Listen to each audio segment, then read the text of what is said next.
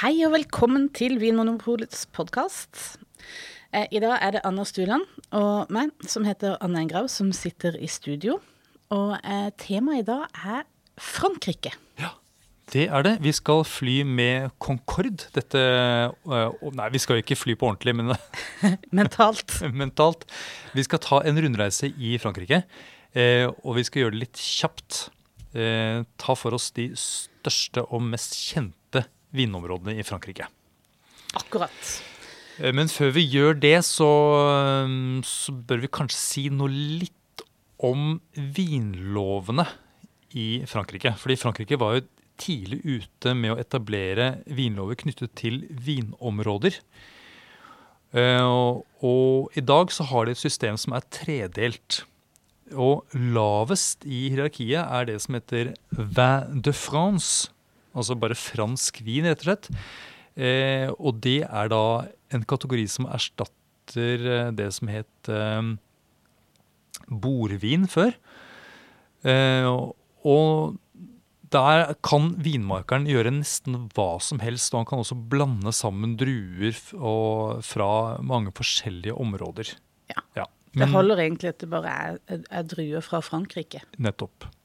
Men det kan stå eh, druetyper, og det kan stå årgang på. Ja.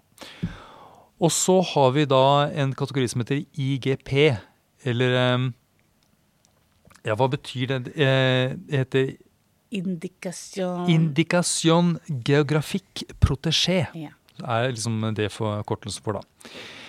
Og da har vi plutselig områder på etiketten.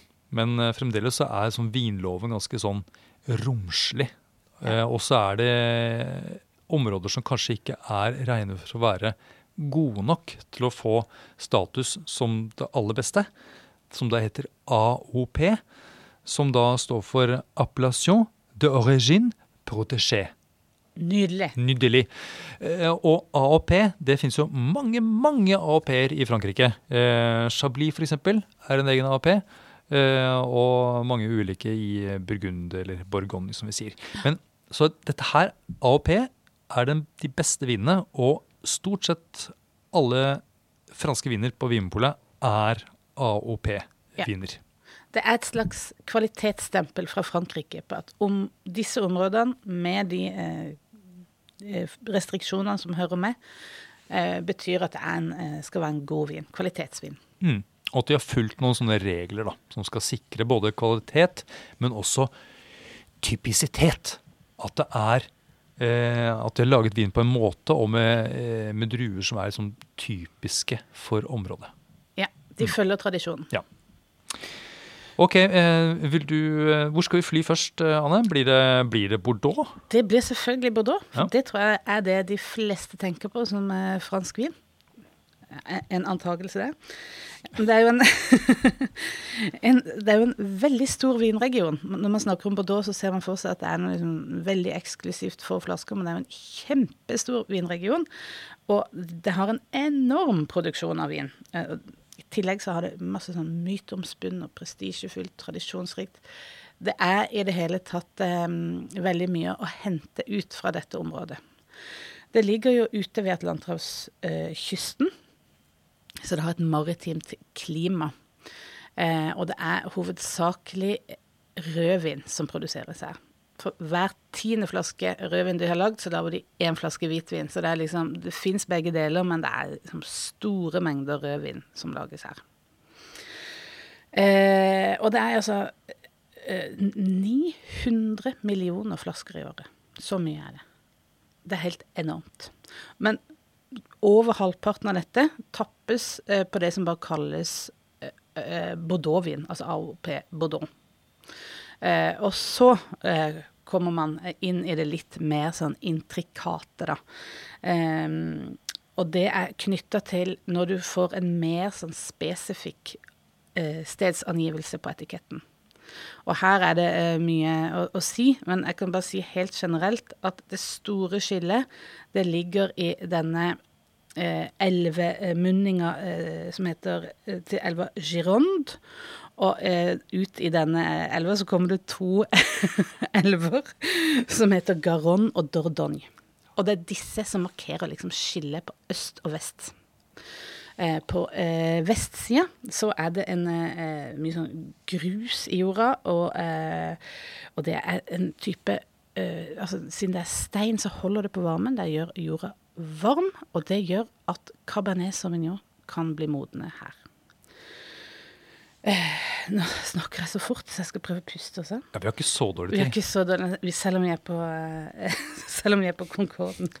Så det er altså Cabernet Sauvignon som er den dominerende drua. Men altså på vestsida så blandes den ofte inn med Merlot og Cabernet Franc. Så det er en sånn blanding. Det kalles det. Bordeaux-blanding av det. Eh, dette er jo eh, viner som er eh, mer eh, eh, Altså den klassiske Bordeaux-vinen, den smaker typisk litt sånn solbær og har noe sånn herre blyantspiss og sedertre. De ligger ofte på fat, og de er eh, lagringsdyktige viner. Men så krysser du elva, da. Eh, så eh, kommer du til det andre sida, er det mer leire i jorda. Det er kaldere jordsmonn. Det gjør det vanskeligere for eh, Cabernet Sauvignon å modne. Eh, og den, Cabernet Sauvignon liker heller ikke å ha føttene i vann, og leire er jo ganske sånn vannholdig jordsmonn. Så eh, her er det Merlot som dominerer.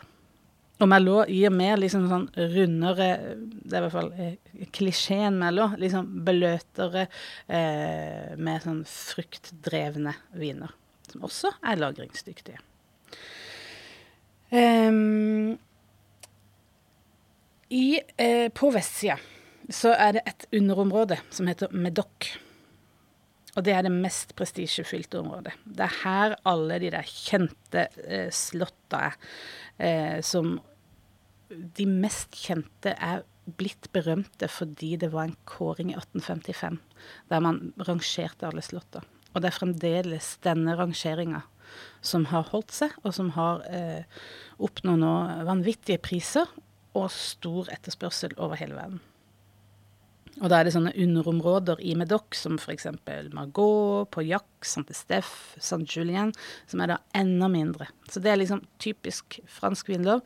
Jo mer spesifikk du er på hvor, hvor mindre område du er, eh, på en måte refererer til, jo høyere opp i kvalitetshierarkiet kommer du da. Men det lages også hvitvin i eh, Bordeaux. Eh, det er eh, spesielt mellom eh, disse to elvene, Garonne og Dordogne, så er det et område som heter Entre deux Mer. Det er mest kjent for hvitvin. Og da er det hovedsakelig Sauvignon Blanc, men også iblanda noe Semillon, som er druene som brukes. Og det er mer sånn friske og fruktige eh, hvitviner. Det mest prestisjefulle hvitvinsområdet heter Pessac Leonian. Der eh, lager man eh, hvitviner på disse druene, og lagrer det gjerne lenge på fat. Gode lagringsviner. Spennende bordeauxviner som man ikke umiddelbart tenker på, kanskje. Dessuten så er det også en av verdens mest kjente dessertviner herfra. Det heter Sautern. Området eh, heter Sautern. Og det er altså da en eh, eh, søt vin lagd på det som kalles botrytiserte druer, som er altså infisert med en sånn sopp. Som er Som er eh, veldig lagringsdyktig, det også. Og er eh, noe av de liksom de klassiske dessertvinene som er. I tillegg til det, bare for å eh, toppe det opp, så er det også musserende viner herfra. Cremant de Bordeaux. Eh, og, eh, og da har vi jo egentlig eh, komplett fra eh, vanlig eh, kvalitet til topp prestisje. Søtt, rødt og hvitt. Og rosa til og med. og rosa til og med. Ja, det er Bordeaux, altså, i et nøtteskall. Ja. Eh, skal vi da Jeg tenker Når vi først har tatt Bordeaux, så bør vi kanskje ta eh, Burgund, da, eller Bourgogne, som vi skal begynne å kalle det. Ja. Eh, som da er kanskje det andre området som er veldig kjent i Frankrike. Da skal vi jo lenger inn i landet. Vi skal jo da i et område som ligger innenfor Paris. Og så strekker seg da nedover mot Lyon. Det er jo eh, et område med liksom liksom slake og åser, liksom bølgende jordbrukslandskap. Eh, på en måte Litt kjedelig område sånn landskapsmessig. Mm. Men vinene kan jo være ganske spennende, og ikke minst prisene. Det er jo kanskje det mest spennende med Burgund, eller Bourgogne. Eh, den nordligste delen av Bourgogne er jo et kjølig område. Mange vil si marginalt klima. Og så blir det varmere etter hvert som du kommer lenger sør. Så hvis vi begynner helt i nord, da, den nordligste delen av eh, Bourgogne, der ligger Chablis, som bare lager hvitvin og stort sett bare på chardonnay-druen. Hvis det merkes som en chablis, så er det kun chardonnay i vinen.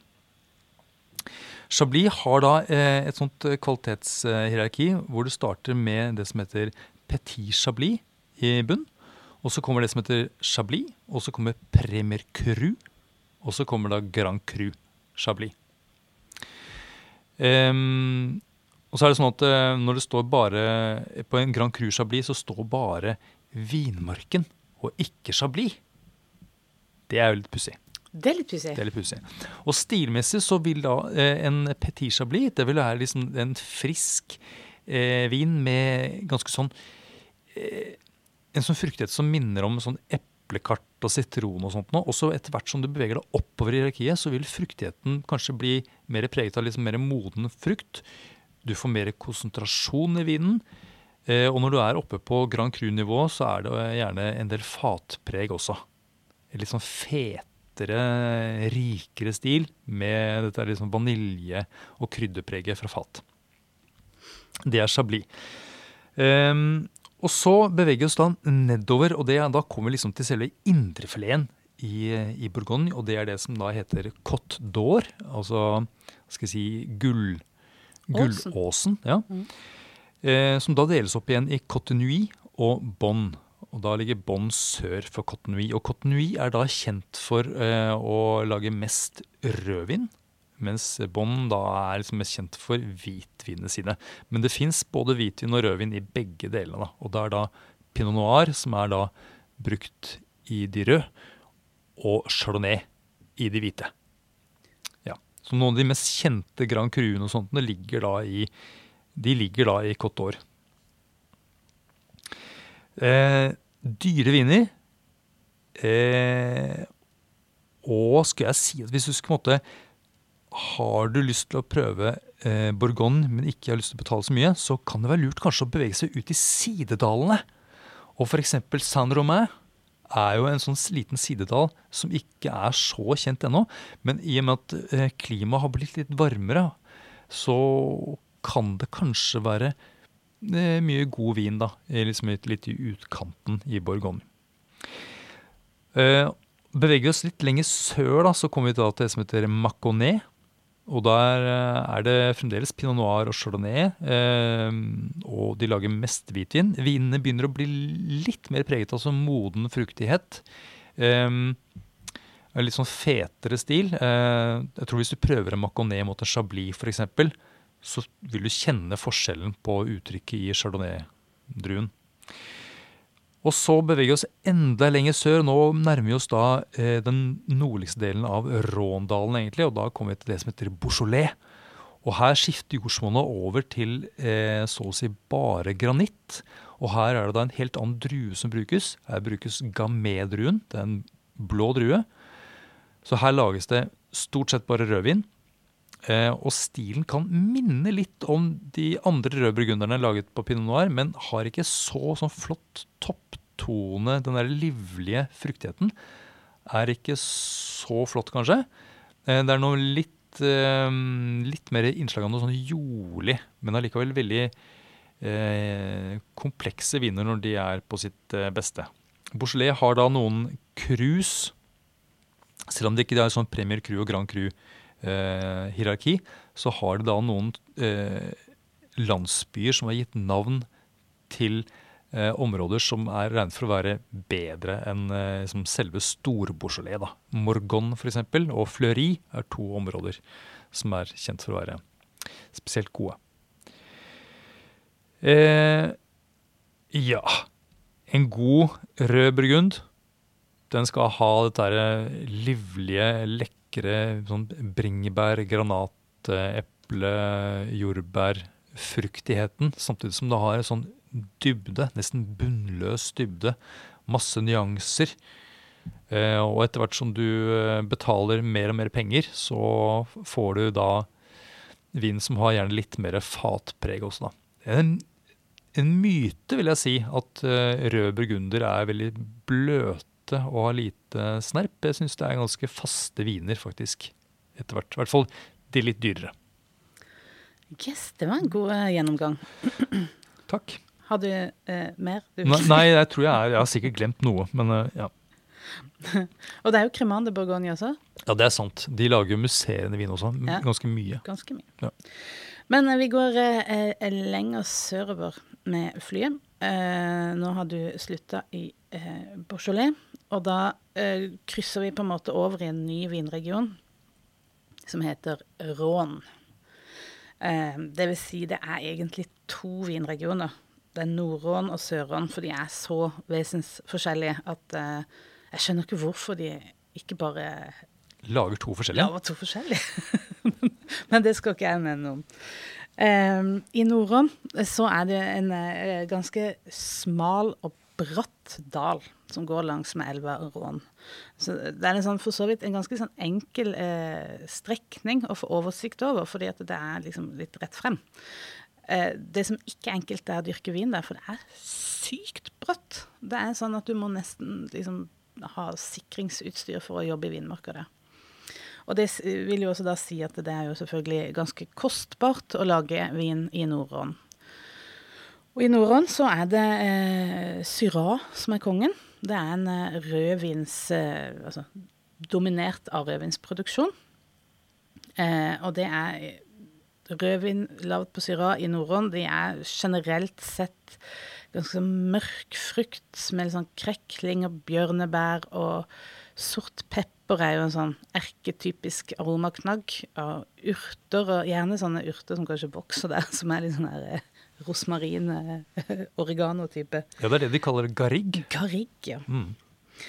Eh, og så er det sånn at i tillegg til at du sier at vinen er fra Rån, så er det gjerne da, altså byen eller stedet druene er dyrka, som gir navn til vinen. Og eh, i norrøn så er det eh, Cotteroti helt i nord, og eh, Cornas og Hermitage som er de mest prestisjefylte eh, områdene. Og det er altså ganske lite som lages av dette fordi det er så små områder, og det er så bratte vinmarker at du får veldig lite ut av det. Eh, av druer, da. Men det er fantastisk, eh, fantastisk spennende eh, tettpakka viner som tåler lagring veldig godt, og som også er veldig spennende som unge. Så dette er et litt sånn Ikke akkurat skjult perle, men det ofte, man må, har ofte blitt litt interessert i vin før man kommer til eh, akkurat disse typene. Jeg er enig i det. Eh, og så er det eh, kanskje San Josef og Cross Hermitage. Der, der har det åpna seg litt opp litt flatere vinmarker. Så det er ikke så kostbart eller prestisjefullt, men du er inne i samme stilen fremdeles med rødviner. Det er kanskje noen av mine favoritter, faktisk. Ja, mm -hmm. og de er kanskje litt til, mer tilgjengelige eh, i sin ungdom også. Det lages også litt hvitvin i eh, Norden. Da er det mest av Viognier-drua. Eh, og det er Condrieu som er området som er mest kjent for hvitvin i Norden. Eh, men det er også lagringsdyktige hvitviner som lages i Ermitage. Og da er det Marsanne som er drua. Liten kuriosa. Saint-Perret er et uh, appellasjon som har både stille og musserende vin av Marsanne og Rosanne. Til quizen.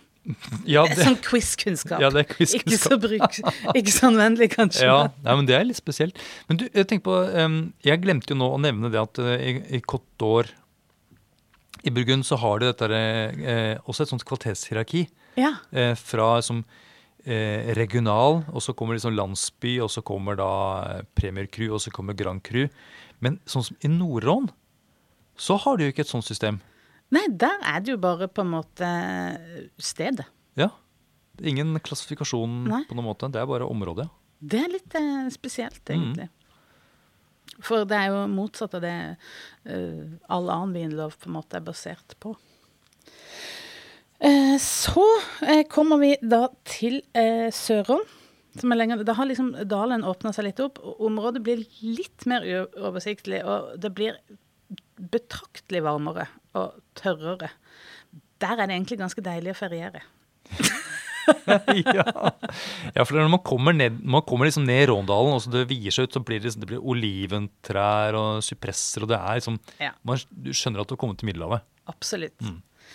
Eh, og her er, er det uh, Grenache som for så vidt er kongen, fordi at Grenache tåler varme og, uh, og tørke godt. Uh, men det blandes ofte inn Syrah eller morvedre i de rødvinene herfra. Og det er generelt sett vanligere med blandinger i, i Søron. Det er også litt sånn vesensforskjell fra nord, som er mer sånn 100 viner. Eh, Det mest prestisjefulle området i sør er Chateauneuf de Pape. Her er det tillatt med inntil 13 eh, druesorter. Men det er ikke alltid Altså, det er De må ikke bruke må alle. ikke. Nei. Nei. Og det er litt eh, spennende i vinmarken her, for der ligger det sånne hvite steiner som liksom er plassert ut for å magasinere varme, så det blir eh, så det holder Det blir veldig varmt i vinmarka, og det gjør jo at, at druene lager mye sukker. Du får høy alkohol, kraftige, fyldige viner. Eh, men også Cotteron eh, og Cotteron Village er det liksom litt større områder. Uh, der det finnes både rød, hvit og rosé. Så spennet i vinstilene er egentlig ganske stort. Uh, også fra liksom ikke så fyldige, kraftige viner som Chateau de Papp. Det kan være liksom enklere, mer sånn leskende, lyse rød, og lettere rødviner også. Eh, og så kan jeg også nevne det at det er noen landsbyer som regnes for å være litt bedre enn de andre, har litt bedre forhold for eh, druedyrking. Og de kan få lov til å sette navnet på eh, disse landsbyene på etiketten. Det er f.eks. Keran, Shigondas, Vakre, Lirak. Lirak, ja. Eh, og så må jeg jo altså da også få med at det er eh, både søte og musserende viner som lages i Søron. Muscat de Bon de Venise. Det er en hetvin, søt. Litt sånn honning, aprikos, blomster. Og så er det eh, musserende vin fra byen Di. Du har både Clarette de Di, som er mer sånn sødmefull og fruktige, og Cremant de Di, som er tørrere og friske. ja. Det hadde jeg faktisk glemt nå. At det Det er også noe for quizen. mm, Det er også noe for quizen, ja. Det er fint at du har med noe sånn eh, for, eh, for quizen. Eh, ja, ok, så da er vi liksom, vi er nå i den sørlige delen av Frankrike. Vi har kommet til Middelhavet, så da kan vi jo på en måte bevege oss litt eh, når må jeg tenke om, vestover. Eh, langs kysten, da, eh, langs Middelhavets bredd. Og da kommer vi til et område, et stort lappeteppe, vil jeg si, som heter Languedoc-Roussillon. Som da strekker seg egentlig fra eh, dette Rhône-delta og helt bort til grensen til eh, Spania og Ja. Pyreneene. Yes. Eh, og dette her er jo da eh, også et sånt middelhavsklima. Men vi kan eh, nesten se for oss at vi, at vi kan dele det i tre soner, egentlig eh, sånn, i sånne belter nærmest. Hvor du har den delen som ligger nærmest Middelhavet, nede ved sjøa, sånn sjøen, sånn strand, strandvin. og så kommer det da et eh, parti, eller et belte, eh, med mer sånn flatt og litt eh, fruktbart landskap, sånn slettelandskap, Mm. som, hvor det er lettere å produsere, produsere druer. da. Eh, eh, liksom Storproduksjonen skjer gjerne der. Og så kommer du opp i fjellene, hvor det er mer karrig. Der vokser disse her buskene med rosmarin og salvie og sånt, og den der garriggen som du snakket om i, i Ron. Og du har også sånn, eh, denne fjelluften, vinden som kommer nedover, som kjøler ned på natten, men som også eh, holder plantene fri for sykdom, f.eks. Og jeg tenker Det som er spesielt med languedoc rosillon, er jo eh, både det at det er eh, lett å få sunne planter der, sånn at det å drive økologisk, det er eh, ganske greit. Og så er det et område som ikke har vært så kjent. Sånn at eh, det å kjøpe eh, vinmarker der er heller ikke så dyrt, og du har også råd til å eksperimentere litt. Så dette er også et område der det er en del naturvinprodusenter som holder på. Så både økologisk og naturvin. da. Er det der du ville blitt vinbonde? Om det er i Languedoc-Roussillon? Ja, kanskje. Litt oppi et sånt fjell der. Så liksom kunne jeg lagd litt sånn geitost og, og, og gått rundt og sniffet på, på rosmarinen. Hvorfor ikke? Det også, men dette her er jo et lappeteppe av et område. Jeg kan, jeg kan, nesten ikke ta for meg alle områdene. men um, det er eh, sånn som Corbier, da, f.eks. Eh, er et, eh, et, område som ligger omtrent sånn midt, midt, på denne kystlinja. Men som både har denne strandlinja og opp i fjellene. Og der har det et område som heter Botonac, som skiller seg ut, f.eks. Jeg må jo si at det, generelt så er jo vinene i Languedoc-Rosillon de er basert på blandinger. Akkurat sånn som i Sør-Rhône, egentlig. Og det er mange av de samme druene som går inn også. Det er sånn Grenache, Syrah, Morved og Carignan og eventuelt Saint-Saut. Druesorter som tåler å ha det varmt, og som, hvor vinen generelt blir litt sånn preget av rød og mørke bær som er veldig godt modne. Så er det, hils, eh, så er det hint av noe sånn balsam og kamfer og disse urtedrysset på toppen. En del alkohol får du, men jeg tenker at etter hvert, hvis du kjøper vin fra disse områdene som ligger litt opp mot fjellene, så får du litt høyere friskhet eh, og litt mer nyanser i, i vinen. Eh, jeg må også nevne at det er eh, helt mot Pyreneen igjen, litt inn i landet, ved Carcassonne, eh, denne festningsbyen, så ligger det et område som heter Cremante Limoux Eh, som er kjent for å lage musserende vin. Og de påstår faktisk at de var tidligere ute med å lage musserende vin i en champagne. Og Der lager de musserende vin både på Chardonnay og Chenin Blanc f.eks. Men de har også en lokal drue som heter Moussac. Musak. Ja. Eh, som også gir spennende, spennende vin. Dette er tørre, musserende viner som er eh, som relativt rimelig perisa. Og så Siden du også slenger på sånne søte, søte viner stadig vekk, så tenker jeg at eh, må nesten nevne at er sånn som Mori, da, som ligger også mot den spanske grensen, eh, men litt lenger nærmere sjøen, egentlig. Der lager de eh, rød, søt eh, sterkvin. Eh, litt sånn som de lager den i, i portvin, eh, nei, Portugal. I portvin, altså. ja. basert på grenache-druen. sikkert mange som har eh, vært borti noen sånne moriviner til eh, sjokoladedesserter, f.eks. Veldig spennende. Ja, ellers må jeg liksom nevne sånne områder som Fitou, f.eks. Kjent for å lage gode rødviner. Eh, eh, ellers så har vi et område som heter eh, eh Hva heter det? Ulvetann, hva heter det? Eh, Lo, Lo, Lopik? Nei. Lo, lo, lo, Nei ja, Hva søren heter det? Pikk, pikk, pikklopp. Det heter pikklopp. Det høres eh, spennende ut.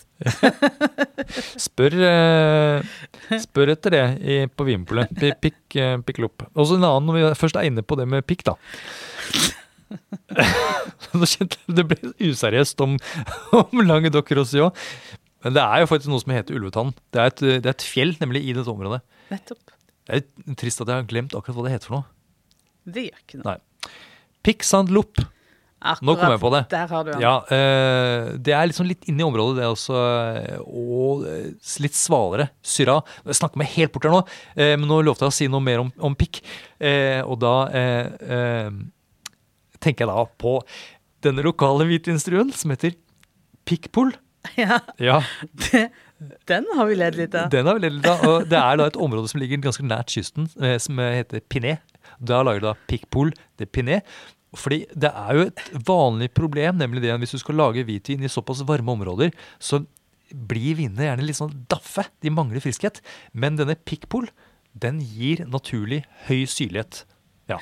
Så skal du prøve en hvitvin fra Languedoc-Roussillon, prøv en Picpoul de Pinet. Ja, spør etter det på polet. Ja, uten å rødme. Det er lov å rødme òg. OK. Yes, jeg setter meg i Concorden. Swoosh. Nå skal vi i nord. Eh, vi skal nordøst. Vi skal til Alsace. Eh, her ligger det nesten altså inntil den eh, tyske grensa. Og her lages det eh, tysk vin på fransk. Maner. Maner. Um, dette er jo da endelig har vi kommet tilbake til et hvitvinsområde igjen. For her er jo kanskje mest kjent for sin hvitvin. Um, litt sånn aromatiske hvite viner. Uh, viktigste druene her er Det er flere viktige druer, men kanskje viktigst er Riesling, Pinot Blanc, Pinot Gris. Gewürztraminer er jo kanskje den mest spesielle drua her og muskat og sylvaner. Og så fins det også noe pinot noir, så det er også noe rødvin. Det er utrolig mange druer, egentlig. Det, sånn, det skiller seg litt ut oppe i nord der, egentlig, med å ha så mange forskjellige druer. Og det ser ut som en sånn Grim-eventyr der oppe. Eh, spesielt med sånne bindingsverkshus. Ikke så skummelt, kanskje, eller? Jeg tror jeg hadde vært litt redd. På en mørk kveld. Ja, det sånn veldig idyllisk. Bindingsverkhus eh, med litt sånn tung dunst av mønsterost ja, som ligger i sånn gata. Helt klart. mønster er jo den lokale stoltheten. I tillegg til vinene, da. Her er vi tilbake på et sånn ø, kvalitetshierarki, men det er veldig enkelt å forholde seg til, for det er bare to nivåer. Og det er Alsace, og så er det Alsace Grand Cru. Ja, De har ikke noe mellom. Det er ikke noe mellom Nei. der. Og det har de vel fått en del kritikk for. Ja, det er eh, kanskje ikke den beste måten å navigere i Alsace på. Fordi at du har jo det, det er ca. Sånn 50 vinmarker som har eh, fått en høyere status, altså en Grand Cru-status. Eh, men det fins jo også andre vinmarker som er veldig gode. Så det er ikke sånn at all den beste vinen er Grand Cru, og alt det under er dårligere. Så her er det liksom ikke helt enkelt å, å forholde seg til. Eh, men det er også tillatt nå å sette opp enkelte kom, altså bynavn og noen vinmarksnavn som selv om det ikke har Grand Cru-status på etiketten. Mens noen eh, velger bare å holde seg helt unna og bare sette druenavnet på. Alsace er faktisk et område som, der det ikke er lov å tappe på bag-in-box. Du, det var mitt quiz. Åh, Å, unnskyld! Beklager. det er greit. Du Tok det bare litt eh, prematur. Ok, skal, jeg, nå- skal jeg bare sitte og lytte. Nei, det er ikke nødvendig. um, så, så det er også en annen måte som er litt komplisert med Alsace, at du er ikke alltid sikker på etikett, når du ser på etiketten om det er en tørrvin eller om det er litt sødme i vinen. Så her er det greit å bruke informasjon som kommer enten på hylle for kanten, eller eh, på polet, eller på polets nettside eller app, for å, for, for å vite helt sikkert hvor eh, søt eller tørr vinen er. Står det vendage tardiv på vinen, så betyr det at det er en vin som er, har seint høsta druer, og at det er ofte en del sødme, men hvor mye? Litt usikkert eh, å, å, si, eh, uten å smake eller lese på vinmonopolet.no. Eh, og så har du noe som er en, en enda søtere vin, som heter Selection de Grenoble. Noble. Eh, som lages på veldig modne druer. eh, Gjerne med botrytis igjen, da. Så det er mer en sånn dessertvin. Men de fleste Alsace-vinene som selges Nå er det mest er mest tørre, tørre. Ja. for nå er det også det som er mest etterspurt. Ja. Men det har vært litt forskjellig tradisjon for det. Eh, og så lages det jo Cremant d'Alsace, som også er blitt eh, ganske stort. Jeg tror det var egentlig det jeg hadde å si om Alsace. Det er, det er mange landsbyer og sånn, men det er liksom ikke noe vits å gå inn i det, fordi eh, de har en sånn enhetlig eh, identitet. Det Ja. er Alsace. Det er jo eh, Ja, for jeg var litt spent på hva du skulle si nemlig om Alsace, for jeg syns Alsace er litt forvirrende eh, oppi, oppi der. Ja, både forvirrende og de, så har de gjort det litt enkelt. da. Ja, for det er det de har gjort, er det der at de, de kan jo sette druenavnet på etiketten. Mm. Og hvis du ser, altså hvis du, hvis du kan litt om druer, så vet du litt hva slags stil du får også. Hvis du velger en gewürztraminer f.eks., så, så får du lav friskhet, du får fet munnfølelse, du får en sånn krydder, rose, tropisk frukt. Ja, det er jo faktisk litt viktig å si at det er jo druene kanskje her som eh, gjør den største stilforskjellen. Ja, for de bruker ikke så mye sånn fatlagring og sånt. Du får ikke noe sånn burgunderstil akkurat i her. Det Nei. blir mer den der, enten, enten får du den aromatiske stilen i eller så får du mer den der, altså hvis du velger Riesling, så får du Mer syre. mer syre. Litt strammere, eh, rankere vin. Men Mhm. gjerne litt fyldigere enn en, eh, en tysk Riesling eller østerriksk. Det er jeg enig i. Så de har liksom litt mer uh, fluff. Litt mer fluff. og så lager de også litt grann uh, pinot noir. Litt Ja. rød pinot noir, faktisk. Uh, Jeg har smakt noe som har vært ganske så bra. Jeg tenker at Det er rart at ikke det har kommet mer, i og med at tyskerne er jo i ferd med å seile opp som sånne pinot noir-helter. Ja. Kanskje Alsace kommer etter hvert òg. De er ganske tradisjonelle i Alsace. De holder på noen sånne der, eh, Bindingsverk. bindingsverkskjøret, Mm. samtidig som de har en høy andel av eh, biodynamiske produsenter. eh, som er, altså bruker sånne helhets, Steiners eh, prinsipper for sånn helhetstenking i naturen. Så, så på en måte kan jo kanskje ses på som litt alternativt, samtidig midt oppi all den tradisjonen. Så det er et ganske spennende vinområde, egentlig. Mm. Og nå skal vi da til det området som eh, Altså, hvis jeg hadde vært konge i Frankrike, eh, eller president, ja. så hadde jeg bestemt at dette her går ikke, hadde jeg sagt da. Eh, kjære Loire, Ja. dere må deles opp. For her snakker vi om på en måte, dette er jo den, den, i utstrekning den største regionen i vinregionen i, i Frankrike. Så det er altså helt fra kysten, eh, Atlanterhavskysten, eh, ute ved Nantes, eh, og helt inn eh, sør for Paris. Ja, Det er, jo helt et, kjempe, det er et kjempestrekk. Eh, og eh, i store deler av dette området så renner da denne elven Loire gjennom. altså Vinmarkene ligger da rundt denne elven stort sett. da. Eh, og det sier seg selv at forskjellen mellom altså klimaet helt inne i landet og helt ytterst mot det kalde Atlanterhavet, det er, eh, det er kjempestore forskjeller. Så, men kan, vi, vi begynner da Men akkurat hvor jeg skulle delt opp låren, litt usikker. Ja. Kanskje delt i tre? Ja, hva. Hvilke tre deler vil det Ja. Da ville jeg hatt denne Atlant Atlanterhavsdelen. Mm. eh, Og så ville jeg ha den der midtpartiet. Og så ville jeg hatt den der Saune Blanc-klubben helt innerst. Jeg skal komme tilbake til det. Ja. Ja. Jeg er interessert. Mm. Vi begynner altså ute ved kysten, ute ved Nant, og der ligger da det området som heter Muscadet. Eh, og det er sikkert mange som har vært, eh, hørt om det. Eh, det er da et hvitvinsområde, og, og druen de bruker heter, heter da Melon de Bourgogne. Og det har ikke noe med melon å gjøre. Ingenting med melon å gjøre, og ingenting med bourgogne å gjøre heller, egentlig. Det er en drue som gir litt sånn, hva skal jeg si, eh, litt stygt sagt, litt sånn kjedelig vin. Litt nøytrale viner.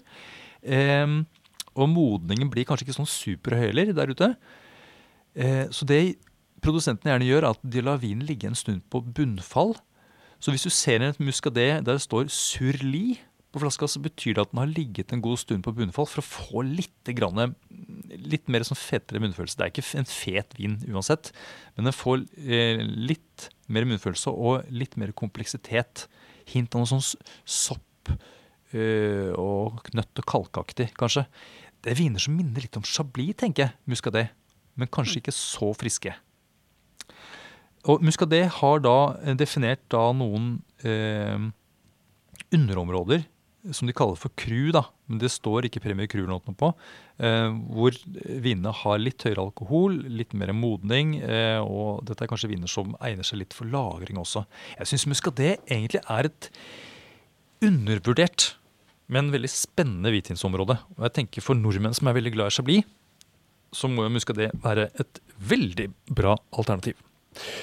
Vi raser videre innover, eh, for da, da er vi på en måte ferdig med Atlanterhavsdelen. Så da kommer det et lite stykke hvor det ikke er så mye vinmarker. Og så kommer vi da inn i liksom det midtpartiet av Loire, og her skjer det veldig, veldig mye spennende. Og da eh, har jeg lyst til å nevne først eh, eh, den grønne Den grønne kongen av Loire. Det er jo et, det er et, konge, det er et sånt konge, kongeområde, egentlig. Det er masse sånne flotte slott inne i Loire. Um, Gamle slott eller sånn nyrike? ja, det er gamle slott. Mm. Eh, men altså den grønne, altså druenes konge i Loire, er Chenin Blanc. Denne druen som um, alle vinsmakere eh, klamrer seg til hvis ikke de helt skjønner eh, hva de smaker på. Så sier de at dette her må være Chenin Blanc. Guilty. Det, ja. Eh, det er en drue som gir alt fra eh, nesten litt sånn urteprega stramme viner til sånn overflødighetshorn av aroma, hvor det går i retning av masse forskjellige typer moden frukt. Aprikos, kvede, eh, pære, eple og sånt noe, med sånn, litt honning og eh, ferske kantareller og sånt noe, og litt krydder og sånt noe. Og veldig, veldig spennende etter hvert som de faktisk utvikler seg på flaske også. En annen ting er at Chenin Blad egner seg både til tørre, halvtørre og helt knall søte viner. Å, de er så gode. Ja, kjempegode. Så da er vi da i midtre delen av Loire, og her har da eh, Loire-elven har liksom gravd ut eh, partier eh, sånn at du har sånne kalksteinsplatåer eh, overfor elven, og oppå disse platåene ligger da vinmarkene. Eh, og et av de mest kjente områdene er Savnier, som lager da bare tørre eh, viner basert på Chenin Blanc. Eh, og så har vi da Vouvray, som ligger litt lenger inn. Som det lager alt fra tørre til helt knall søte viner, men også musserende viner på Chenin Blanc. Og så har vi da to litt mindre områder eh, som heter eh, Coteau Layon og Cardechom, som er kjent for å lage sånn intenst søte og jeg tenker superklasse eh, søte hvitviner. Oh yes. Legg de ned i kjelleren, eh, og vent til du er pensjonist. Og kan du smøre inn din skrukkete hud med eh, litt eh, Cardechom. Eventuelt ha litt ost til. Det er mitt tips. Også, men vi har, det fins uh, rødvin også, nemlig, i, i denne midt, dette midtpartiet. Loires hofte. Og der bruker de denne druen som heter Cabernet Franc. Du skjønner at jeg liker jo Loire. Ja, jeg skjønner det. Hjertet banker fortere nå. ja. Cabernet Franc. Eh, en litt misforstått eh, blå drue, fordi eh, når den ikke blir moden nok, så er den litt sånn, litt sånn spinkel og saftig, med sånn, sånn hint av sånn preg av grønn paprika. Det er noe litt sånn urteaktig og litt sånn kantete med den. Men hvis den blir, får litt mer moden eh, frukt, så får du sånn mørkere, mørkere bær og blyantspiss, anis og solbær og sånt noe. Det er nesten som om liksom, hvis du krysser en sånn klassisk eh, Cabernet Sauvignon fra Bordeaux og en burgunder, Oi. da får du Cabernet Franc. Oi, Det yes. beste av to verdener. Yes. Og så har jeg tenkt Til halve prisen. Nettopp. For dette er viner som ikke koster så mye. Uh, og og fordi ikke de koster så mye, så kan, har ikke produsentene råd til å bruke så mye nye små fat heller. Så de fatpreget disse vinene er gjerne litt tilbakeholden. Eh, da har vi altså eh, appellasjoner som Chinon, eh, Samur, Saint-Nicolas de Bourgogne f.eks. Gode områder for Cabernet Franc. Og der kommer det mye spennende. Jeg tenker at De produsentene som holder på der nå, de, de kan ikke slappe av. De må liksom produsere bra ting for å liksom komme ut i markedet. Mm. Yes. Vi må eh, vi går vid drar videre innover i Loire. Nå kommer vi da inn i, liksom, i senter av Frankrike. Helt innerst i Loire. Sauvignon Blanc-klubben. Og da kommer vi til Sauvignon Blanc-klubben. Og da er vi da i eh, et område som er kjent for mange, nemlig Sancerre. Og her har vi ikke én elvedal lenger. Og vi har jo også forlatt egentlig Loire-elven, men her er det på en måte masse sånne småkoller. Eller ganske sånn kupert. Ganske vakkert landskap. Eh, og her ligger da eh, vinmarkene i skråninger med sånn flint og kalkstein i jordsmonnet. Og det er Sauvignon Blanc-druen, den grønne druen, som er da mest brukt. Eh, og det er bare den som brukes i hvitvinene. Veldig, veldig friske viner. Sånn markant urtepreg. Eh, som går i retning av sånn nesten nesle og kattepiss. Hint av eh, svette. Eh, Jeg må si at altså, prisen har gått veldig opp, syns jeg, på Sancerre. Eh, men jeg tenker at det er noe litt sånn homogent og litt kjedelig med disse vinene. Jeg skulle ønske at de kunne mm, sånn, prøve ut litt nye eh, måter å gjøre ting på. Jeg vet at det er noen produsenter som velger å la vinen, altså la druene modnes litt lenger. Eh, men de lager da stiler som skiller seg veldig fra røkla. da. De har da mer som preg av moden frukt, og ikke så mye at det er det urtepreget som kanskje er eh, det som de fleste forventer med en Sancerre. Også her er det eh, mindre vanlig å, å eh, lage enkeltmarksviner. Nettopp, for her har de Det er jo, og som det gjelder egentlig hele Loire. De har ikke noe sånn Premier Cru eller Grand Cru-klassifikasjon.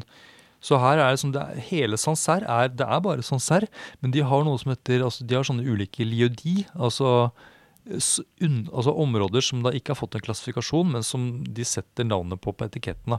Og da har du en skråning som er så bratt at de syns at det er så slitsomt å høste druene at den heter da Mont Damne. Altså det, Ja, eh, den forbanna den forbanna fjellet. skråningen, eller forbanna fjellet. Ja, nettopp.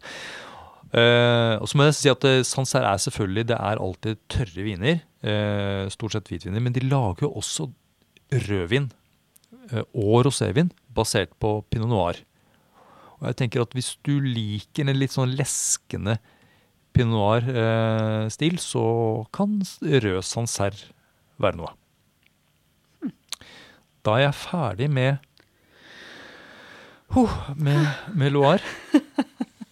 Det er, en, det er en eh, lang reise. Ja. Og vi er jo ikke egentlig ferdig, men det er kanskje de måtte gjøre en sånn knallhard prioritering. Og det var Mm. disse områdene som vi valgte å, eh, å trekke fram. Ja. Men Men det fins jo mer. Og mer og mer og mer. Eh, det er jo et veldig komplekst vinland. Eh, og da hadde Anders, du foreslo at vi skulle ha en sånn øvelse. ja. Jo, jeg tenkte at hvis Sett at eh, Frankrike synker ned i et synkehull. Ja, det er lett å se for seg. Ja, det, bare, det er i ferd med å tippe utfor eh, kanten, og du får lov til å redde med deg én vintype eller et vinområde. Hva er det du på en måte du, du tenker at hvis det forsvinner, så har vi Vi har ikke noe som ligner ellers i verden. Hva ville du, vil du tatt med da? Ja, jeg vil, jeg vil endre på premisset. Jeg, okay. jeg godtar synkehullet, Ja, men, men jeg vil si den ene eh, regionen jeg ville tatt med meg, var champagne, som jeg fremdeles er litt fornærma for at vi måtte stryke fra lista over de områdene vi gikk gjennom. For jeg tenker jo da, det er det er andre uh, viner som ligner, og nå kommer England, vi har det jo egentlig, men det er selve forbildet for all kvalitetsmusserende vin. Det er en, eh, det er en eh, fantastisk vin og eh, lang, flott tradisjon av vinmakere. Så jeg hadde tatt med meg champagne. Og så hadde jeg grått over alle de andre tinga som forsvant. ja. Jeg ville, jeg ville tatt med eh, Jura, dette ganske lille, det lite området som ligger da mellom Bourgogne og Sveits, egentlig. Der tenker jeg at de lager viner som jeg fram til nå ikke har funnet noe annet sted. Nei, det er helt unikt. Ja. Det er et godt valg. Takk.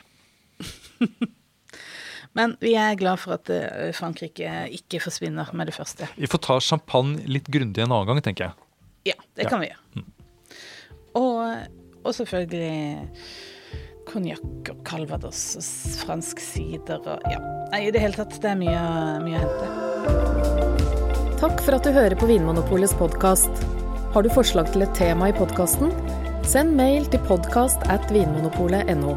I tillegg svarer kundesenteret deg på e-post, chat og telefon.